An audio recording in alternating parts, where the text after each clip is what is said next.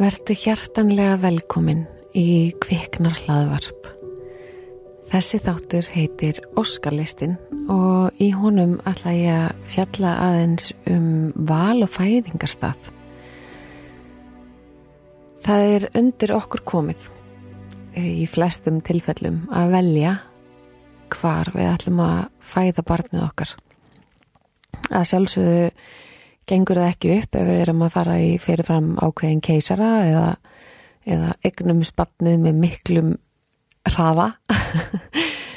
Það kemur fyrir á, á góðum bæjum að börnin koma bara eitt fyrir bingo og, og þá fæðist barnið bara þar sem það gerist.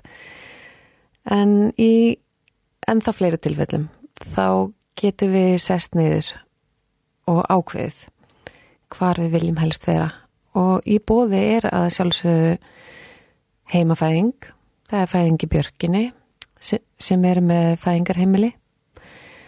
Og það er í bóði að eiga á landsbytalanum og Akranesi og Keflavík og Selfossi og, og líka stöðum út á landi eins og Akureyri og Ísafjörði en þessi ákvörðun hún er ykkar. Og ég mæli með því að við virkilega ígrundið að vel og vandlega hvað hendar ykkur. Ykkur sem konu ykkur sem verðandi móður ykkur sem föður. Hvar viljiði vera þegar barnið eitthvað kemur í heiminn?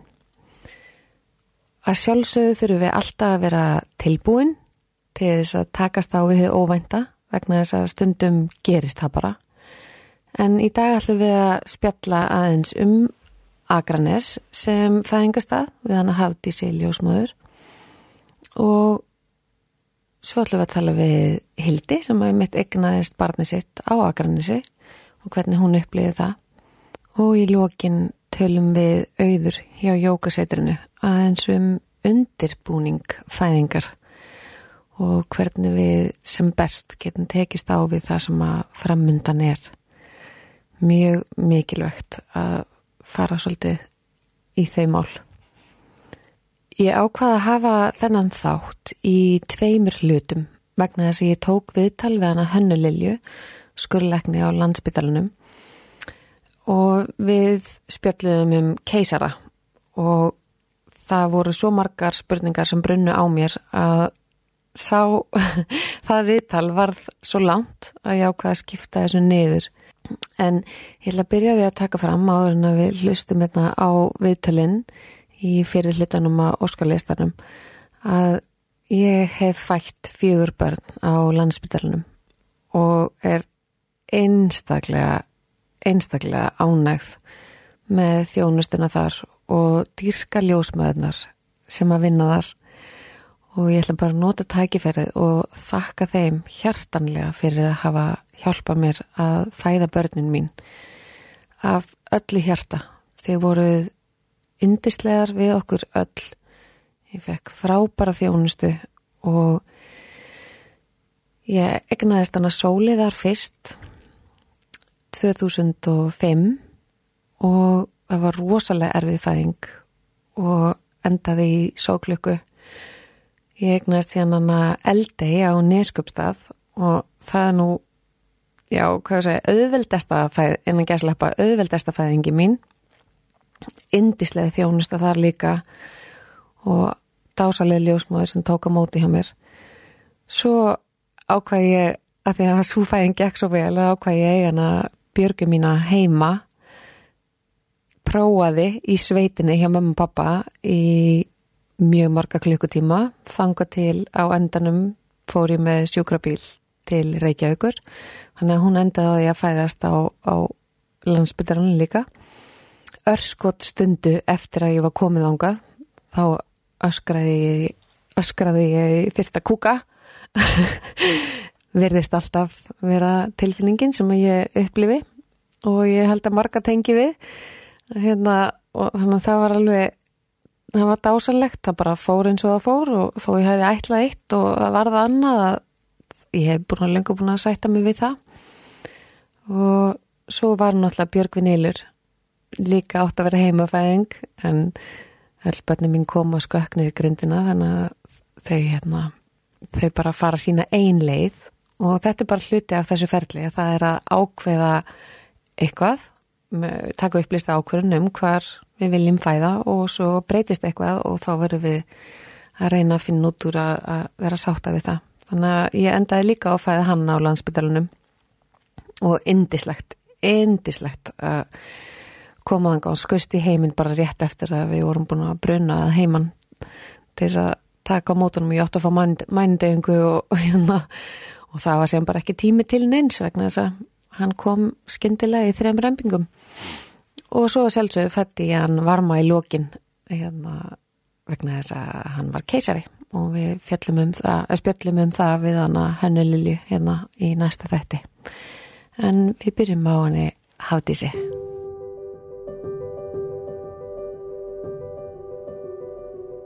Til okkar er komin hérna hún Hafdís Rúnastóttir, hún er ljósmaður á Akarnesi, hún er búin að koma til okkar í þættin áður en, en í dag erstu komin Hafdís til að ræða aðeins um Akarnes sem, sem stað til að fæða barn.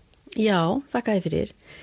Já, ég er nú búin að vera á Akarnesi núna þetta er 20. árum mitt og ég er nú bara reyndar alltaf að sjá það betur og betur hvað þetta er æðislegu staður sko. Mm -hmm ég er ekkert hludrag sko bara, 20 ára, bara 20 ára reynslu sko en þetta er bara lítið sveita sjúkarhós mm -hmm. sem er í útjæri Reykjavíkur hálftíma frá Mósó þar sem ég bý mm -hmm. og við erum svo óbóstlega heppin að hérna við höfum geta haldið upp í fullri fæðingaþjónustu við erum alltaf með skurstu og bakvakt við erum alltaf hérna með náttúrulega kvennsjúkdómalagnir og svæfingu Þannig að við leggjum deyfingar og tökum keisara og tökum klukkur og gerum allt sem gera þarf mm -hmm. en við samt presenterum að við erum fyrir heilbriða konur í heilbriði meðgöngu mm -hmm. með heilbrið börn mm -hmm. það er engi vökutelt á svæðinu Nei. og full meðganga þannig að 37 pluss og þá eru við bara fanta góður valkostur fyrir konur sem að vilja vera í aðeins rólegar umhverfi, þetta er mhm. aðeins persónlegra mm -hmm. og e, þetta er tíurúma deild, þetta er líka kvennsjúkdóma deild en það kemur ekki að söku. Fæðandi konur hafa yfirleitt forgangin, við erum með tvær fæðingarstofur og það er svona meiri líkur á því að þú fæðir og hittir svo ljósmanninni nattudaginn eftir að því að við mhm. hugsaum um konur í hérna fæðingu og sængulu og svo fáum við það sem við kallum ambulanta þegar konur að koma með einhver vandamál og tökum þú í riti eða einhver test og eitthvað svona. Mm -hmm. Þannig að þetta er bara opbúslega skemmtileg fæðingadeild með frábæri starfsfólki og hérna og skurstofan sem er á bakvið okkur, hún er alveg með eindæmum góð. Mm -hmm og ég er nú nýbúin að upplifa sko bara nokkrar mínútur og allt fólkið er komið í hús og bara krakkin komin út sjö myndum setna, allir eru komin í hús. Þetta er Já, bara unbelievable. Þetta er og maður fattar einhvern veginn ekki finn eftir á hvað þetta er æðislegt. Og það vinna allir eins og einn maður. Mm -hmm. og það er einn kona. Já, eða einn kona, já, verðin það voruð allt konur. Já. en ég mun að hafa góðan sérfræðing og, og góðan svæfingalæknir og góða skurstofa bak við sig. Eh, við erum sko alveg lukkun á pannfílar Þetta er alveg toppurinn. Já, þetta er það. Og það meiga Það meiga allar konur koma. meiga allar konur en sko, já, en svo segir, í, í, en ef allt er innan geslepa eins og á að vera já. að þá má velja að keira til ykkar. Já, ég segi alltaf, sko, það er ekki margt sem þú hefur val eh, hérna fyrir í okkar heilbríðskerfi en þú hefur val um hvað þú vilt fæða barnið Já eh, Þú, þú getur farið á, á Selfoss og, og Keflavík og, og á Ísafjörð og Akureyri, nei, Akureyri aðala mm -hmm og bara þar sem að þú vilt sko mm. og þetta er allt saman góði staðir Já. en ég kannski get ekki tala svo mikið um það en það eru ljósmaðurreiknar einingar og selfossu mjög góð alveg mm. frábæra ljósmaður sem vinna þar mm. og eins í Keflavík mhm. ef þetta er algjörlega heilbrið kona sem allar að gera þetta bara hérna á sínum eigin krafti þá Já. er það alveg indislegt Já. og nú er svo mikið um heimafæðingar og eitthvað svona fólk mhm. vill ekki fara ná teknísjúkur og til eiga börn Minna háttakni sjúkurás er alveg nöysileg en kannski ekki þessu tilfelli ef allt er í góðu sko. Einmitt. Og þá bara velur hvar þú vilt fara og, og velt, velur frekar rólegt og gott umhverfi og þar sem hún þekkir einhver til eða whatever sko. Já. þannig að svo, svo fór ég nú í Hong Kong í tvö ár og, og kynnti stórum, stórum sjúkrahúsnum já, eh, bæði private og public eins og þau voru kölluð sko já, og ég ætla nú ekki að segja frá því en bara svo þegar ég kom heim aftur á skagan að þú hugsaði því líkur heaven? Já, þetta er alveg himnaríki á jörg sko. Sko konurna mína þarna úti sem að borguðu nú alveg morfjársnundum 10 miljónum fyrir börni sín sko þær myndi borga 20-30 fyrir að fæða á skaganum sko. Hugsa þess. allt svo prívat og persónlegt og svona þægilegt sko. Já, þetta er, þetta er alveg einstök perla sem við höfum. Já, því við vitum ekki, þú veist, ég aðeins skilða núna þú ert að fæða í sko hjút sjúkrási já, að þá ertu bara eins og lítið peð sko. Já, og alltaf einhver nýtt starffólk í kringuð og opbóðslega ópersonulegt það er, það er bara svo já, þannig að hafa svona litla staði er bara allgjör gullkom já. Og þetta er í rauninni svona millivegur á milli í rauninni spítalafæðingar, eh, sko landsspítalafæðingar og, og heimafæðingar. já, Má segja það svona svo. Já, það, það er það, því þetta er miklu rólegra og, og allt öðruvís og við erum með fínt baðkaratna og við getum sett glaðloftið við baðkarið þannig að þú getur svamlaðum í baðinu með glaðloftið og, og erum með bara lítinn lampa og bara allt rólegt og fínt og næstum enginn kemur nálægt, ég erum að bara restlæðin upp og ítir krakkanum Já, já, eða tekum við krakkanum. Já. þannig að það er hægt að hafa að deila hvernig sem þú vilt sko. Og, og svo náttúrulega hínastæðina líka, þeir bjóðu upp á þetta, indislegar eh, ljósmaður sem að hérna, geta tekið á móti í róanæði. Og þetta er náttúrulega allt sagt með fullri veiningu fyrir landsbyttalinn. Já, er bara, já, já, Það er svo já. gott að fara yfir það, þú veist, hvað er í bóði á hverjum stað og já, bara, já. sumar bara vilja fara beint á hátakninsjúkurhús og þær eru náttúrulega að bjóða líka upp á bakar þar og, Já, já. og margar, Já, já, já, já, og það er bara alveg, þetta er rosa flott fólk sem vinnur á landsbítalunum og við hérna vildum ekki missa því, við sendum allar okkar veikustu konur fara þangað Já. og ég tala nú ekki um börnin, vökudeildin. Og ég segi alltaf sko ef við endum með krakka á vökudeild sem kemur einstakasinnum fyrir og þá flytjum við bara í kassasuður hérna, sko, vökudeildin á Íslandi er bara besta vökudeild í heimi, punktur. Og ég segi það bara við foreldra. já, Þeir eru bara ótrúlega flottir og góðir. já, Og þeir hafa nokkru sinni núna nýverið bara hreinlega komið upp á skaga til þess að ná í krakkana. já. Og þá koma þeir bara 0-1 og þetta er bara, þetta er bara æðisleg þjónusta. Já. Alveg meiri háttar.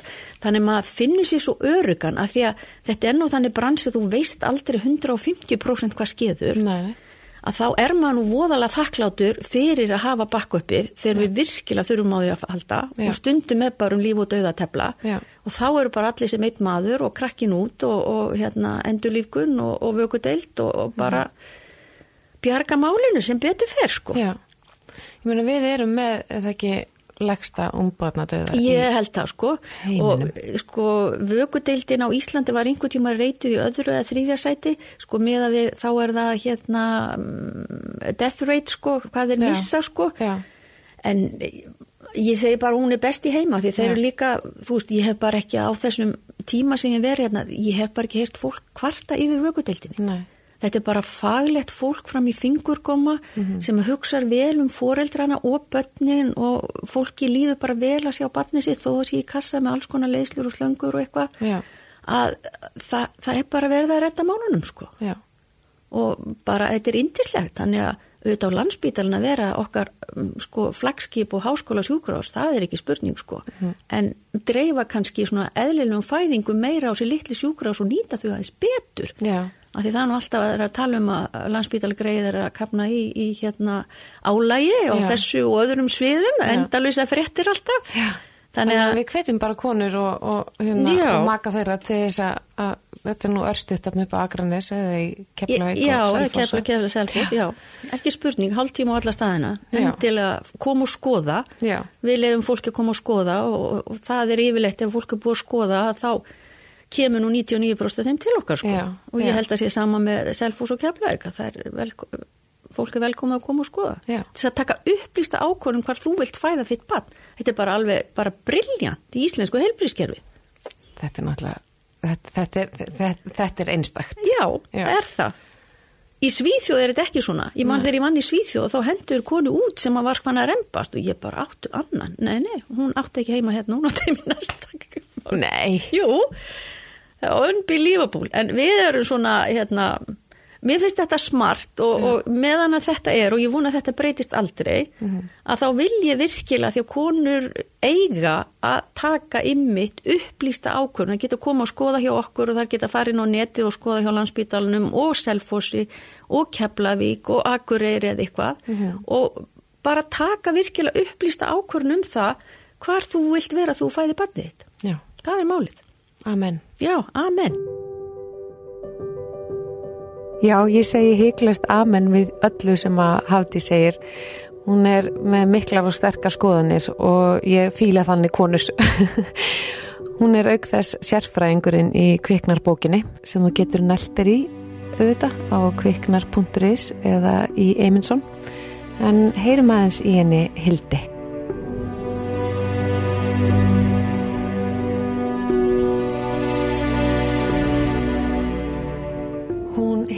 Rós var hjá mér í leyniskjölunum, þætti nummer fjögur, þar sem hún sað okkur aðeins frá því að eiga erfiðar tvær meðgöngur, þar sem hún með þess að þurft að hætta að vinna á 24 viku og svo alveg frábæra bleikra skís meðgöngu þar sem hún vann í rauninni fram á síðasta, og, síðasta dag og valdi sér það. Og Í dag ætlum við aðeins að tala um svona svipað varðandi fæðingarnar. Vegna þess að þú átti líka erfiðar fyrir tvær fæðingar Já, og svo ekki með þriðju. já. Það er, Hvað hva, hva er það sem að gerist þarna? Heldur þú að það orðið eitthvað svona hugafarsbreyting af þér eða þú veist um af hverju heldur að þriðja fæðinginin það er bara verið drauma fæðing en þess að fyrir tvær ekki? Sko, fyrst og fremst um, held ég að það hafi verið stuðningurinn bæði á meðgöngunni og, og, hérna, og í kringum meðgönguna og fæðinguna. Um, ég fekk mikinn stuðning frá makan uh, já, á þriðu fæðingunni, eða sérst í kringum þriðu fæðinguna. Já. og á meðgöngunni og mér leið bara almennt mun betur og það náttúrulega kemur inn bæði líkamlega betur og andlega betur út af stuðningi. Um, fæðingin svo þriðja gekk betur og, og ég held að það hefði líka verið andrúsloftið og þjónustan sem ég fekk frá ljósmaðurunum í kringum þá fæðingu. um, þú ákvæmst að eiga á Akranesi, eða þið? já, við ákveðum að, hérna eigan á Akranesi sest, þriðju stelpun okkar Já. og það bara, var bara allt annað bragur. Um, lí, mér, ég upplýði ekki færibandavinnu eins og ég upplýði á landsbítalunum og það er bara mín upplifin og hérna já og, og fyrstu hérna já, fyrstu fæðingunum þá kom ég inn í fæðingarnar einhvern veginn þurfti svolítið að berjast fyrir því að koma inn á spítala. Ég var óörug og, og hérna og ég fekk ekki þetta utanum hald sem ég hefði geta fengið. Við vorum bæða eignast til dæmis fyrsta bat þarna og við þekktum ekki ferli nógu vel og ég var búin að skipta um ljósmóður og, og hún var kannski eða, sest, þær voru ekki einhvern veginn vissu kannski ekki hvernig undan hafi gengið og þú veist, það var ekki mikið samskipti þar á milli en þær voru bara frábærar. En hérna, ég fekk ekki nógu miklu útskýringu á hvernig þetta ferli virkaði og, og svo þegar ég hérna, er komin í fæðingu missi vatnið en að viku fyrr að þá ringi upp á landsbítala og ég fæ einhvern veginn ekki viðmótið sem ég hefði kannski átt að fá. Ég mér leið svolítið eins og, og hérna ég væri bara svolítið vittlaus og, og ég fekk þau skila på einhvern veginn svona í gegnum ljósmóðurina. Ég, ég hef reyndar heyrt uh, mæður, ungar mæður, eða mæður með fyrsta barn, uh, upplifa eitthvað skona, já, er þetta fyrsta barn? Mhm. Ekkert endilega bara fyrir ljósmæðurum, heldur líka bara í lífinu almennt. Já. Að fólk tekur því svolítið svona eins og, já, þú, þá, þá veist þú náttúrulega ekki neitt. En þa það er náttúrulega ekkert, þannig, auðvitað bara erum við mismunandi eins og við erum margar og það er ekkert með fyrsta barn eða aldur að gera. Nei, hvað við rauninni vitum þegar kemur að fæðingamálum. En, en þessi reynsla í rauninni, hérna, þó hún hafi verið, þú veist, erfið út af fyrir sig, þetta í kringum fæðinguna og undirbúningin og, og þegar það síðan kemur að fæðingunni, að, að þá ertu rauninni að segja að það á ákvarðar ekki fyrir þig hvernig síðan aðrar fæðinga verða. Nei. Vegna þess að þú síðan í þriði fæðingunni svona, hvað var að segja, tekur tilbaka svona líka fyrri upplifanir. Mhm. Fannstu það ekki? jú, svona eins og þú hefði svona náða óna gamalt já, og mér leið svona eins gamla og reynslu Já, ég var bara svona miklu meiri stjórn einhvern veginn á hlutunum bara Já. ég upplifði það náttúrulega líka bara viðmótið sem ég fekk. Já. Þannig að hérna, því við komum á Akranes þá var alltaf einhvern veginn mér, mér leiði eins og ég væri bara svolítið í, stjórn, þú veist, ég, ég ringdi bara herðu, við hérna ætlum að eiga hérna Akranesi? Mm. já, bara velkomin, kontu núna, það er bara flott. Hérna, ertu með ykkur verki, já, pínu lítið. Já, já, kontu bara samt, þú veist og, og þær skoðum mig og við fórum síðan bara og fengum okkur að borða, ég missi vatnin á veitingastæðanum og við komum aftur alveg í ykkur svona kasti. Og þá kom einmitt Hafdís Já. ljósa sem hefur komið hérna til þín og, og hérna, jú, jú, þetta er vatn og, og það var einhvern veginn allt svona jolly og skemmtilegt og, og allir tilbúin til að hjálpa og já, bara við vorum einhvern veginn ekki látin afskipta laus og, og hérna, og ef ég sagði eitthvað þá var það bara rétt, einhvern veginn. Það bara, já, jú, Já. bara flott og sko. hún er einhvern veginn skust út. Þú mælir hérna með jókaboltanum að reyna eins mikið á honum og er. jókaboltin er það sem kom henni út rætt, ég get, ég get svo svarið það ég var á boltanum endalust skoppandum hérna sjúkrastofuna. Já, og við erum að tala um það að ég var með sex í útvikun inn á fængastofu og okkur var sagt að hún kæmi kannski vittalega um hátdegi og með við hvernig hraðin hafi verið á þessu áður eða sérst fyrir. Og ég okkur með miklu verki og hérna hún gerður upp um mig og, og ég bara nei veistu það er að koma bann, ég finn það, það er komið eitthvað neður nei, nei, hafði yngra ágjur þetta er, hérna þú er bara með sex í útvikun og þetta bara gerist ekki strax.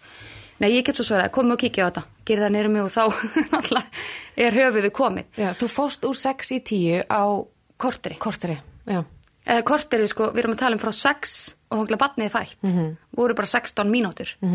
Og, og á þessum tíma var ég bara búin að vera á boltanum eins og brjálæðingur. Já, og það var bara, ég er að segja það er það sem var að bjarga mér að þrátt fyrir verkinu sem ég var að upplifa og þetta já svo svolítið svona stjórnleysi vegna þess að þær, þær komu mjög ha- harðar Já. og mjög stuttum millibili og svolítið svona réðust á þig. Já, þannig að þú, einhvern veginn, þú náðir að, að svona halda sönsum bara með, með einbyrða þér hérna að að, skoppa. að, að skoppa. Og nota gasið. Ég hérna andaði gasinu að mér og, og skoppaði boltunum og hérna og barnið kom hana og flegi ferð út. Já.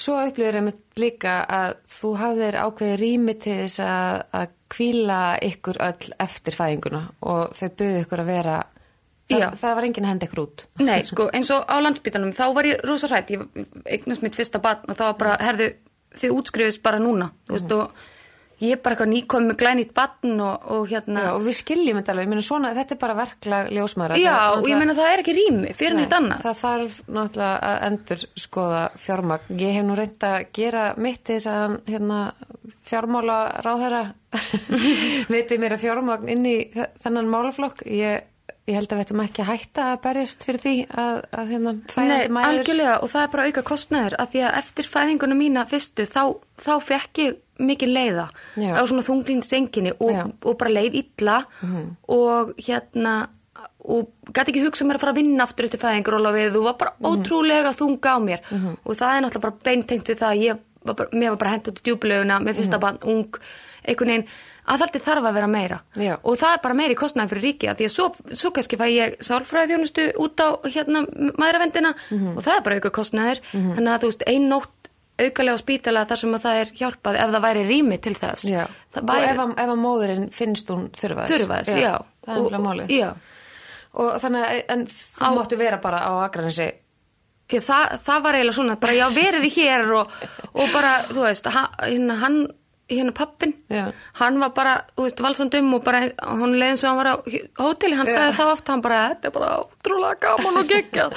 Og hérna, líka, já, og líka bara ótrúlega ánæður hérna með batnið og það var bara einhvern veginn brjálaslega gaman hjá okkur og eitthvað, og fýbluðumst og svona, uh, og ég, náttúrulega, þekkti ekkit annað en að vera bara hent heim bara strax eftir að krakkin var komin út þetta var svo frjálst og aðeinslegt Þetta er og, indislegt. Ég held að, ég held að flestar þær sem hafa fætt á Akranesi mæli með því og náttúrulega þær sem hafa á fætt á landsbytalunum líka mæli með því og við sem höfum fætt heima mæli með því.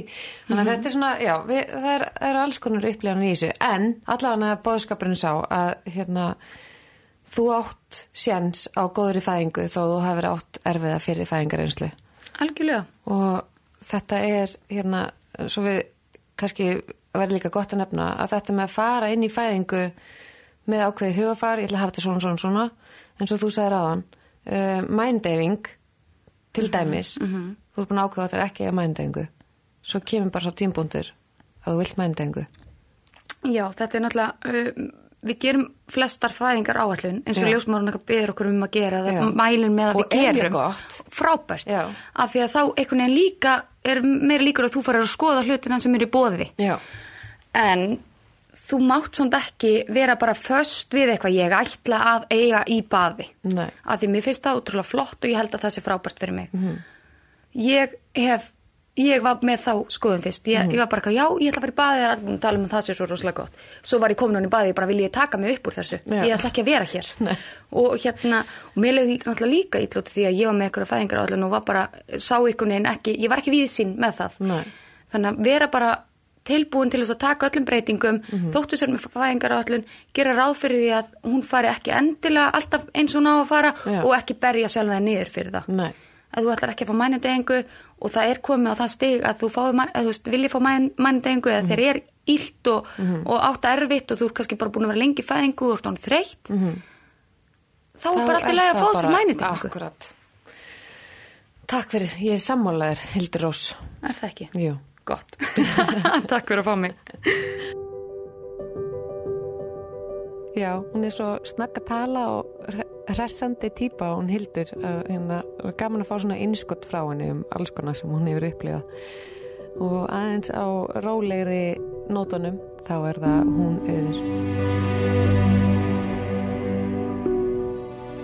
Ég hef talað um það áður og, og fæ aldrei nú að ég að segja það að ég elskaði að vera í maðgöngu jóka hjá henni auði í jókasetrinu og hún hefur eitthvað einstakt lag á því að gefa okkur sjálfströst sem að göngum með barn og hjálpar okkur og leiður okkur áfram í því að hlusta á eigið innsægi og taka tillit til líkama okkar og líðanar, líðanar.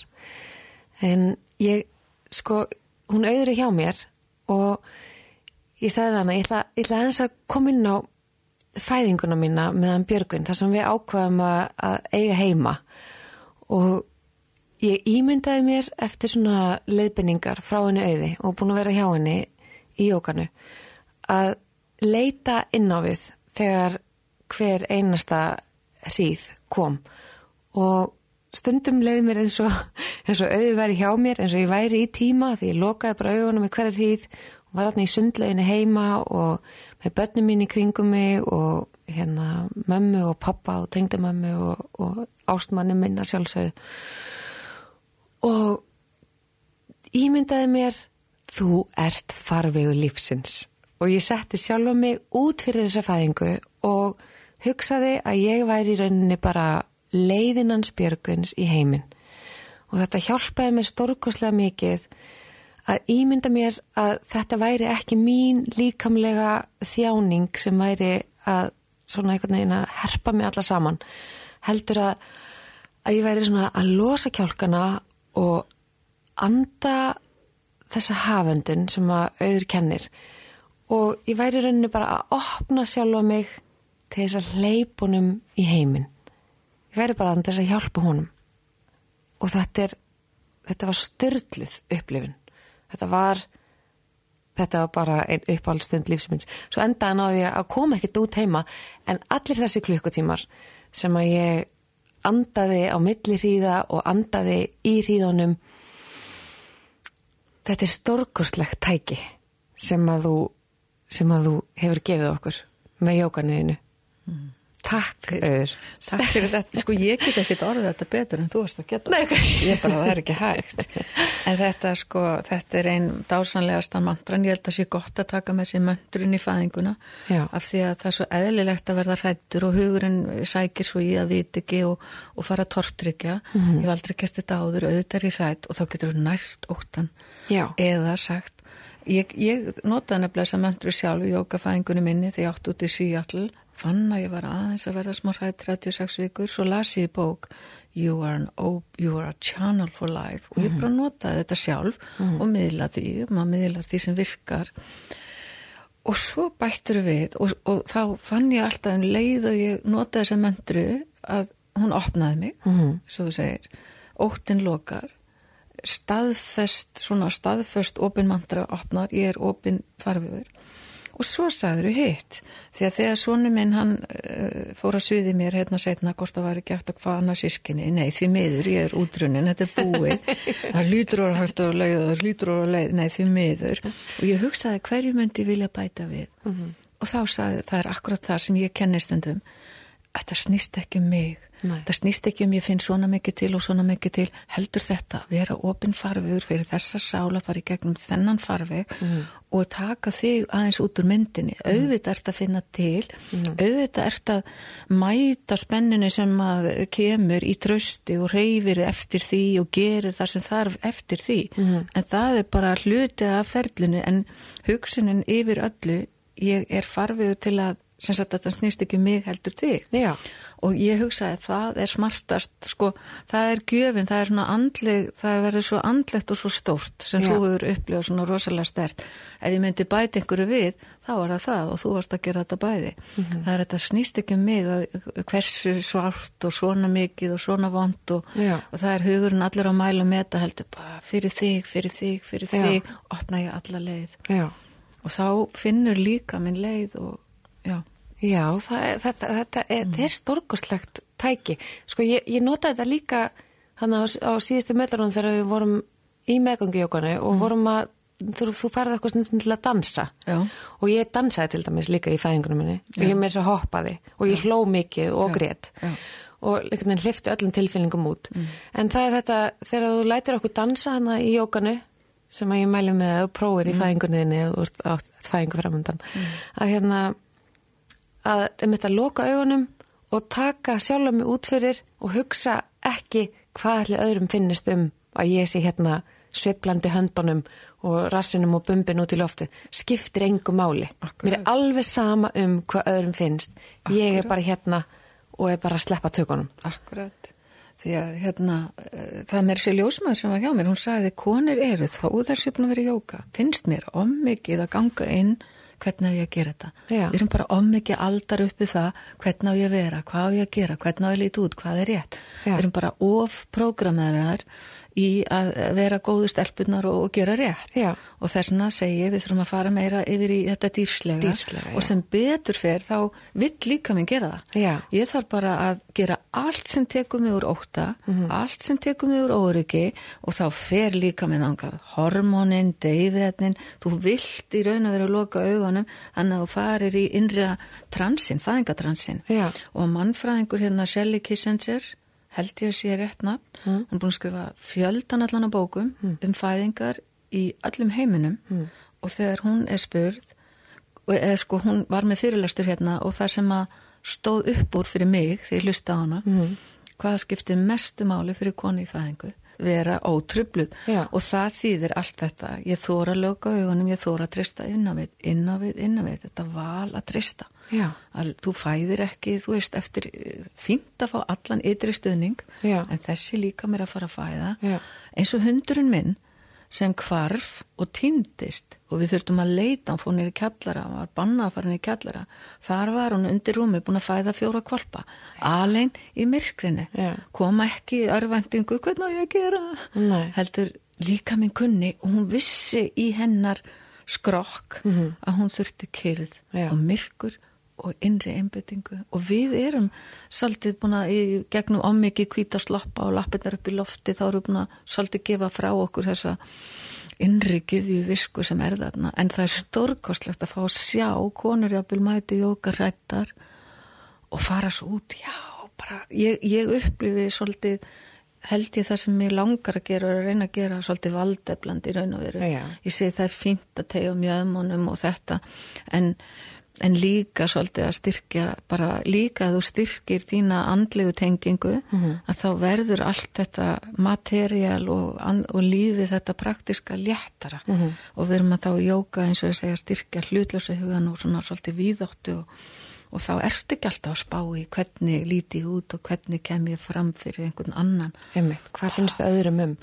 Og þarna komum við mitt inn á líka val og fæðingastað Já. með að vera örugum hvar þig langar að fæða, hvar, hvað heldur þú að sé besti staðurinn fyrir þig?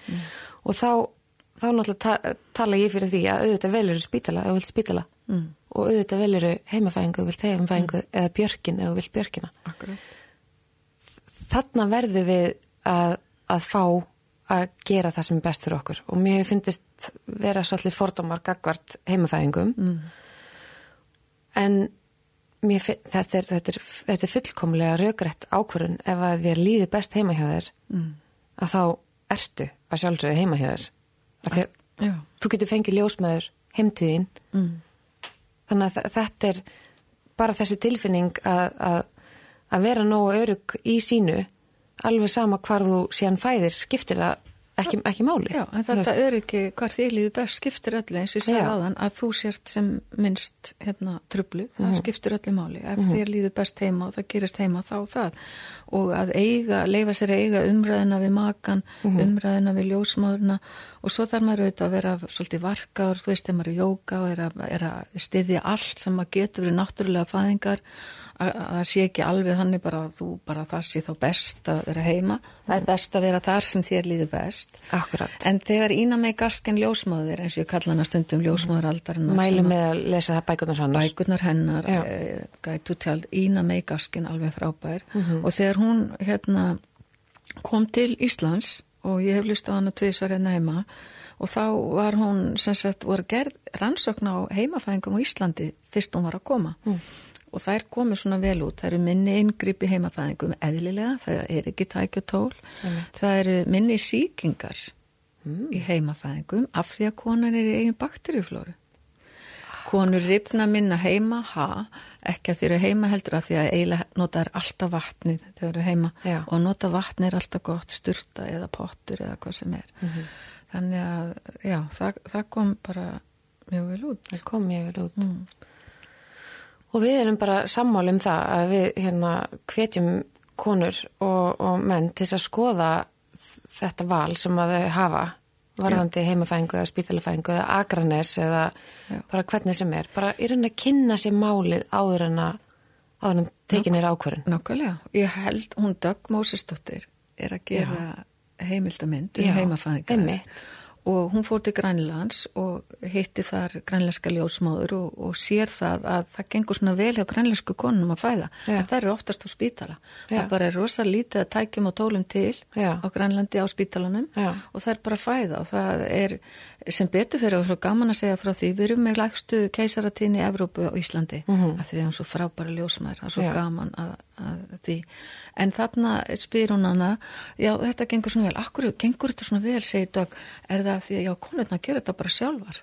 Mm -hmm. þá sagði grænlenska ljósmóðurinn nei, leið gerir þetta en það er eitthvað tröst á líkamann, skilur við, við erum já. ekki að trösta á mikið og græðunar við erum að fara að gera þetta sjálfar já. leið kann að fæða bann og það er aftur öryggi af því að þegar konan er örygg og óhrætt, mm -hmm. þá opnast leið, mm -hmm. þá opnast farvegurinn þegar hún er hrætt, þá spennist leið mm -hmm. þannig að þetta er allt bara frekar innfalt en svolítið magna Já. Við höfum eitthvað um mína fæðing að segja og það er þetta sem konum finnst svo gott. Ég farið þar alveg ekki að mæta bara alveg bara, ég veit ekki neitt, jú ég hef eitt akkeri og það er önduninn og svo hugafarið og það skipti máli. Á ást. Og ást, andarslega treysta. Andarslega treysta, það er, það er mantranennar auðar. Já. Já, mér finnst indislegt að fá að spjalla um þetta aðeins viði að því að svo ætla ég ræða við læknirinn sem að skar mig vegna svo svo ég alveg öfuga fæðingu mm. með hérna, næsta batn og eftir þessari dásamlegu heimafæðingu minni það sem hann var tekin hérna, í fættan með keisara Mm. Þannig að það er gaman að koma inn á ólíkar upplifanir. Já, ég held sko, ég var að mitt, held að sé bara líka mjög frábært, þarna er þú með stóran reynslupakka, búin Já. að fæða hvað mörg börn? Fimm. Já, svona ólíkar fæðingar mm -hmm. Og þetta er bara eins og almætti sé að gefa þér stóran reynslupakka, Já. þannig að þú ert með enn dýbri skilning fyrir aðra konur að mæta því. Já. Akkurat. að enginn fæðingir eins og þetta kríli þurfti þennan farveg, stort barn og, og þá var þetta besta leðin Já, mm. Því að það er mjög mikilvægt að konur og, og hjá mér líka ferstist ekki hugmyndinni ef ég fyrir keisara þá tókst mér þetta ekki og þá er ég bjekon og eitthvað svona. Þetta er rosalega mikilvægt að Já. sættast við ferli sem batnið, ferð, ferlið og farvegin sem batnið velur og segja já, Já. ok. Já. Ég segi þetta oft. Góð jókafæðing er að segja já ok og það þýðir stundur smá viðsnúningur. Ég ætla að gera þetta svona. Nei.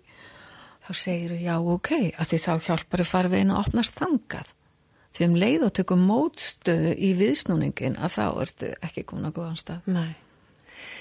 Þetta, akkurat þetta í sambandi við fæðingu, að fara inn með ákveðni hugafari, ég vil hafa þetta svona og svona og svona og sé þetta fyrir mig svona, en ef þetta verður öðruvísi, þá er það allt í lagi. Já, og þá segir ég já, Já, þar ok. því að jáið opnar þangað og þá eru það besta leiðin okkar. Frábært. Takk, elsku auður mín. Takk sem er leiðis.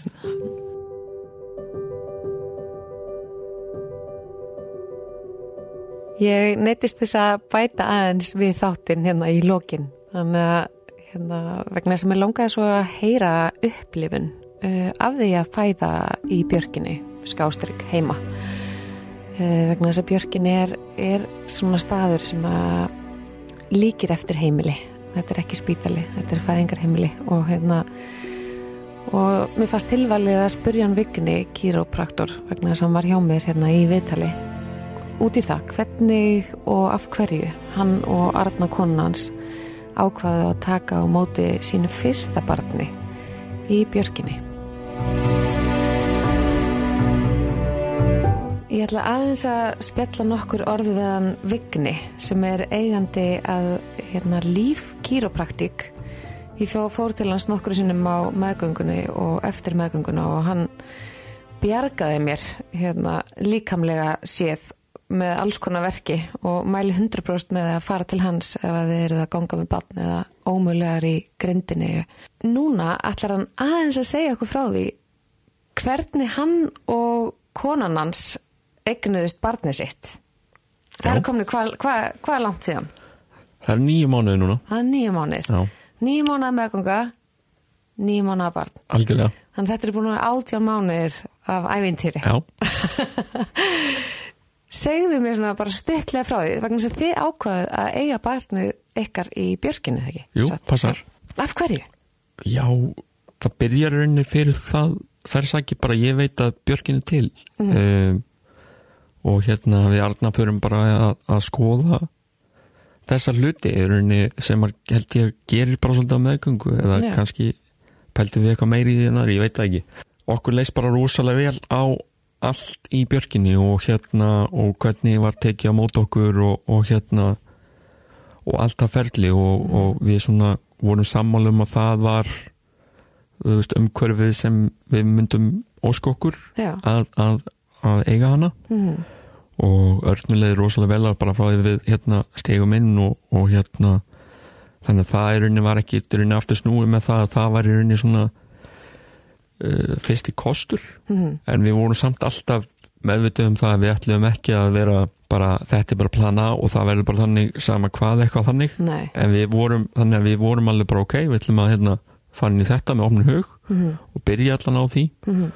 og svo bara ef eitthvað annað kemur upp þá hérna verður það bara þannig Já. En hvað segir við fólk sem eru með fordóma fyrir heimifæðingum?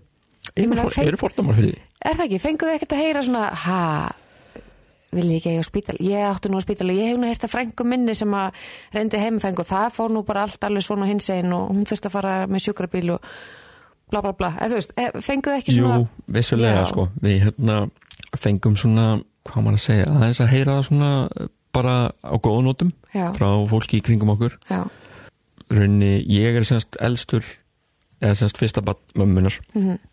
af fremur sískinum Mhm. og hún rættir það nú svolítið við mig og ég veit hún hérna kannski fyrirgefum að vera að nefna það. Fæðingin hennar með mig er rauninni þannig að ég er fyrsta barni hennar. Já, nema ég er rauninni með ákveðna föllun, ekki genagalla eða lýtingakosti, eins og maður getur líka að kalla það. Að hérna, Ú, gó, já, gó, já, ég fíla þetta. Leitningakostur. já, I love it. Jú, já, mér finnst það svona skemmtilegt. Takk fyrir, já, já, ég til þetta. Ok, já, já, segð mér. og hérna og þannig í bara um leið og ég fættur þá var hún með mig, þess að vildi vera á fæðingasetrinu sem var upp á landsbyndala minni mig, já, þetta er fyrir löngu síðan Já. man ekki hvað þetta er, það var ekki inn á fæðingadeild en þetta var á hérna, fæðingar heimilinu fæðingarheimilinu nema hvað að þegar ég fæðist þá sjáður það í rauninni á mér strax að það er eitthvað mögulega að.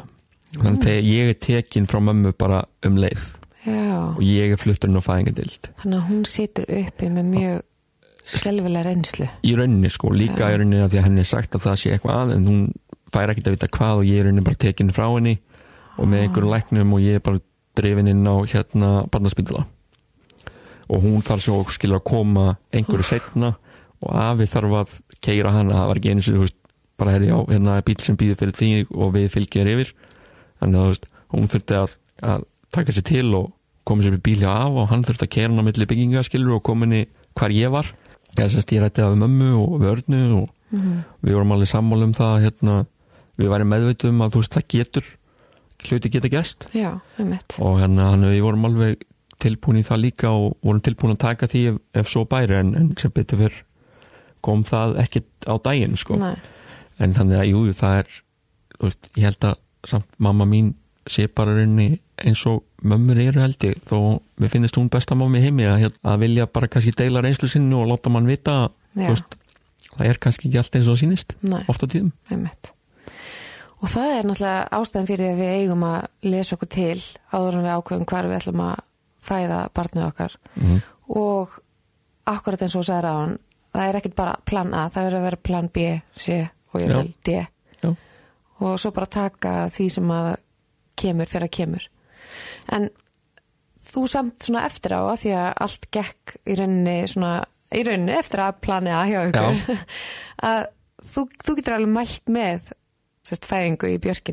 Já, algjörlega. Við hérna erum, erum strax á því að hérna ef við eignum sannað barn eða, eða þegar við eignum sannað barn og þá hérna verður það í björkinni ef við, ef við getum aftur og hefum tök á því og allt gengur vel Mhm. um, okkur bara leið það, það velar þó að hérna prosessið hafi verið í rauninni heill dagur en, en svona, uh, þetta var svona gradual það gekk allt svona bara hægt rólega en alltaf, alltaf svona um, hvað sem var progress Mhm. Er ekkit annað en í myndin í okkur allan eins og staðan nú. Já, við vorum heima yfir nóttina og fórum upp á, í björkina um 8-9 leitið morgunin. Já, Nú er, nú er þetta eitthvað sem er gert mikið grína mér. Ég er ekki mikið með svona staðarindir á hreinu. nei, Þetta er svona Arna getur þalið upp alla gjafi sem fengum með skýrninni og frá hverjum og ég hérna er ekki með þannig hæfileika. nei En við sérst komum þangað um, um nýjuleitið og, Já. og hún fæði síðan um kvöldið eitt rúmlega átta. Já, þannig að þetta var alveg löngfæðing Já, þetta var alveg svona Hva- í rauninni sko, ef maður, Já. kallar löng en hún var alltaf, hún miða alltaf áfram það var alltaf í rauninni framvinda og hlutinni gerðust bara hún er í rauninni hægt og rólega Já, en, en hvað hva, hva, hva fannst þér þú geta gert? Nú, ég veit að sko Já. makar velta í oft fyrir sig, sérstaklega þegar vonir að fyrsta barni bara hvað í fokkanum á ég að vera að gera já, einmitt. ég hérna reyndi bara að sinna öllu því sem ég gat til þess að aðstöða Já, hvort sem það var að að setja í þörunni þegar voru í lauginni og, og nutta hann í bakið og, og spjaldrygginn og eða reyna að fá hann til þess að kannski fá einhvern vökva eða borða og Mhm. sem gekk reyndar mjög illa mhm. en hérna, það er örugglega síðasta sem okkur langar í það er eitthvað, eitthvað já. já það hérna En já. það er gott að þið pínið okkur vegna þess að við þurfum alveg á orkun að halda það var rauninni sko það sem hún var búin að ræða við mig hún sagði já eftir að, að segja nei við en þú verður Já. samt að bjóða mér skilur og, og, hérna Elva sem var með okkur ljósmóður alveg frábær hún stundum hérna einmitt sagði svona já nú kannski komið tíma að reyna allan að fá sér eitthvað Mhm. en hérna mér fannst í rauninni af því að held ég við vorum í björkinni Mhm. þá fekk ég rosalega mikið hlutverk fannst mér ljósmann, líka elva og, og þær sem komu að þessu Mhm. um, þær lefðu mér að gera það sem ég vildi vera að gera og Já. voru ekki eitthvað að íta mér í burtu eða byggða maður að vera frammi eða Nei. eitthvað svo leis Nei. þannig ég fekk alveg það frjálsæði sem ég vildi allan að hafa og ég veit að Arna vildi líka að ég væri hjá henni um, svo er henni annað sem ég var búin að svolítið taka til mín var að við Arna vorum búin að ræða hvernig svona drauma scenarióð var Mhm. og ég á búin að taka svolítið tímin eftir að uh, einhvers staðar manni ekki á fyrirlestri uh, var kona að tala um það að, að maðurinn þyrfti að vera svona svolítið verndari Hmm. í fæðingunni og fylgja því eftir sem sem er unni sko konaðín villir unna fæðingi verði já, þannig ég tók það svolítið til mín að að ég þarf að líka vera sá sem þú veist, ef það kemur eitthvað upp að segja þú veist, okkar skoðun á hlutunum já. og standa á henni. Sem þið voru þá búin að ræða fyrirfram. Já, án þess að vera, þú veist, eitthvað hérna, hérna án þess að vera hérna ignorant á, á hlutina. En, en samt svona, þú veist ég þarf að, þú veist, einhvern veginn að, að passa upp á að henni líði vel já, og að hún hafa allt sem hún vill hafa eða, eða hvernig sem það er. Já, þannig að hérna, mér varst það líka vola gott við, við Björkin er að að maður fekk svona þetta space og stundum fengu bara að vera tvö inn á herberginu bara í friði. Já, og hérna og svo bara koma og tjekka á okkur og mér varst það bara vola þægild umhverju sko. Já þannig að þetta var bara svona eitthvað fæðing í rauninni sko, já, ég leitum á þannig og, og við höfum oft talað um það og svona kannski bara, þú veist gáttu við þessina að vera heima Já. það leið þannig eins og við værum bara heima í okkur, Já. þannig séð já þetta er náttúrulega rosalega heimilislegt þarna neyri Björk já, uh, svo, svo var hann að fara að koma já, hvað, þú veist, hvað hvað upplifið þú? Ég meina, hvað, þú veist, almáttur bara, hvað gerðist? kom bara barn já ég hérna ég veit ekki alveg, þetta er svona þetta er svona minning sem maður bara gleymir aldrei. En einhvern veginn svona þegar hún gerðist þá var hún svona þú veist ég byrjaði, þú veist, að gráta lunga á áður en að hérna Arna átt að sjá því að veist, eitthvað var að gerast að ég fann að sjá kollinn og, og þú veist, þá einhvern veginn þú veist, brotnaði ég í svona smá stund að hann er svona, ok, herri, nú þarf ég aðeins að hérna vera meira með þessu. En hérna, það er alveg ótrúlega við vorum sérst æskuvingun og örnu að ljósmyndari og, og hún var tilbúin þegar kalli kom og var með þegar Ástrós metta fæðist. Já, og hérna við hefum alveg aðeinslega myndir frá því mómenti þegar þegar örni Arna fær hana og réttir hana svo yfir til mín og ég fæ að halda hann í fyrstskipti já, og liggjum upp í rúmunu og ég saman og ég horfið úr örni eða svona præslesi móment í runni og mér er svo gaman að eiga ég er með upp á vekk upp í, upp í vinnu. Já, og það er svona hérna svona ólýsanlega tilfinning sem er hérna ég mun aldrei gleyma en hérna það var ótrúlega svona öðruvísi góð tilfinning en maður hefur einhvern veginn áður upplega þetta hljómar kannski basic einhvern veginn en ég veit ekki. Það hérna mér var staðlan að hérna bara æðislega tilfinning sko. Já.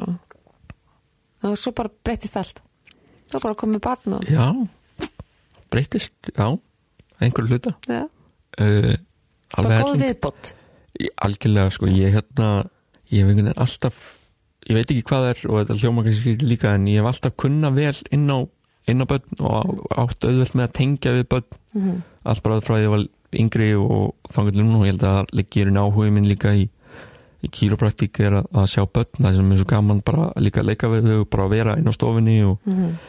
Þannig að í rauninni mér er ekkert fundist að þannig mikið viðbrið mér fannst ég bara einhvern veginn eftir þessi leiðan meðgönguna bara vissi ég ok, ég er tilbúin í þetta hlutverk. Já, skilur kekja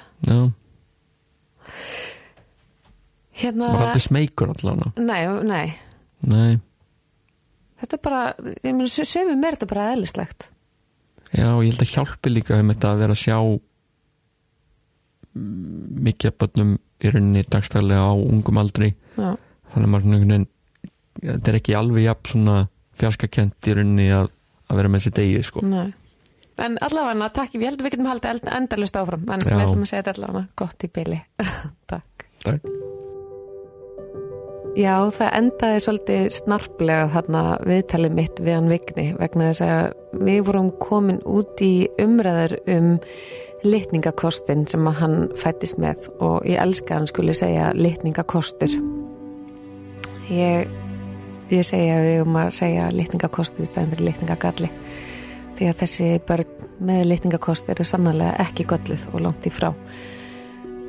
En þetta var, þetta var, já, þetta var svolítið snarplegur endir og, og, og smá vandræðilegt að því ég er að reyna að vera voða professional í þessu hlaðvarpi en stundum er þetta svona og, og hérna ég klifta á þetta þarna.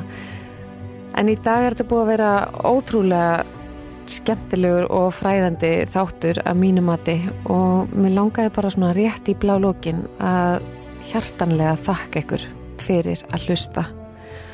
Og þú sem ert með mig í eirun núna mér þykir vænt um það og þú skulle gefa þið tíma til þess að vera með í kvikna hlaðvarpi og ég hvet ykkur allar og öll til þess að senda mér skilabóð og kviknar Instagraminu eða með ykkur sérstakar hugmyndir eða ábendingar eða eitthvað sem að betum ætti fara eða hvaða er sem þú ert ána með. Og þá segi ég bara bless í byli og ég lakka til að lefa ykkur að heyra næsta þátt af óskarlistanum sem fjallar um keisarafæðingu thank you